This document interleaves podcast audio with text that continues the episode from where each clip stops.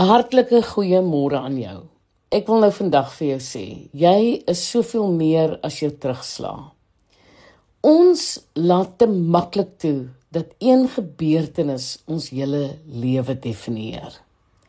Kan jy vir 'n oomblik dink wat sou met Josef gebeur het as hy vasgehak het by die feit dat hy deur sy broers in 'n put gegooi is en toe as 'n slaaf verkoop is?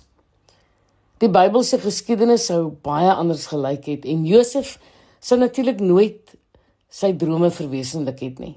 Nou Daniël en sy vriende kon ook toegelaat het dat hulle ballingskap hulle lewens definieer.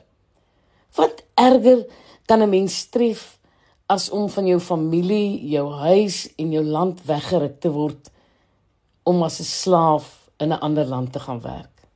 Maar hulle kyk verby hulle omstandighede. Hulle hou vas aan hulle geloof en styg uiteindelik bo die ander uit om leiers in die vreemde land te word.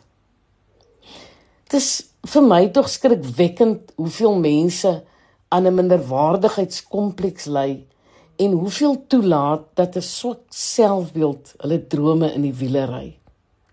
Dalk het jy ook die probleem. Die meeste mense het mos maar die een of ander stuk bagasie wat hulle van hulle kinderdae af saamsleep. Miskien as jy op skool geboelie dalk dalk het 'n onderwyser jou vertel jy's dom of jou ouers het heeltyd beklei want jou pa het moontlik baie gedrink. Miskien het jou ouers te veel druk op jou geplaas om te presteer baie ouers spoor hulle kinders genadeloos aan om nog beter te doen al werk die kind hard en presteer bo sy of haar vermoë. Die ouers meen dat dit die kinders sal motiveer. Nou die tragedie is dat sulke kinders die idee kry dat hulle net nooit goed genoeg is nie. Hulle kry die indruk dat hulle 'n ewige teleurstelling vir hulle ouers is en hulle hoor nooit hulle pa of ma is trots op hulle of dat hulle ouers weet hulle het hard gewerk nie. Nou hierdie wonde is iets wat hulle deurtrek na elke faset van hulle lewe.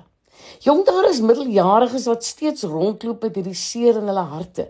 Mense wat na al die jare steeds smag na daardie ek is trots op jou wat nooit van pa of ma gekom het nie.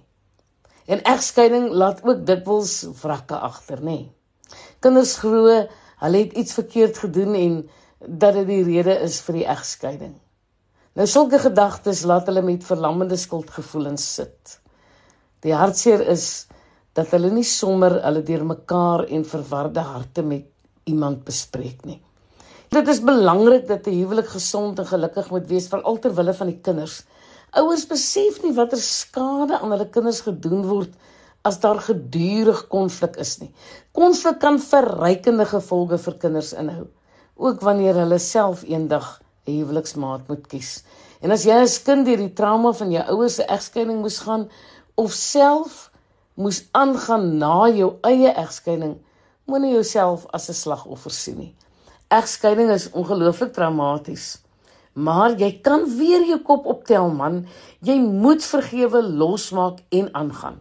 Onthou, jy is deur in egskeiding. Jy is nie die egskeiding nie. Jou lewe bestaan uit baie meer.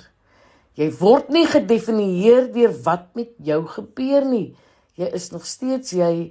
Jy is spesiaal en jy het steeds 'n doel hier op aarde. Jy moet kies om voluit te leef en weet dat niks jou van God se liefde kan skei nie. Jy sal 'n besluit moet neem en jouself herdefinieer. Jy is nie jou ma nie, jy is nie jou pa nie en jy is nie dit wat met jou gebeur het nie.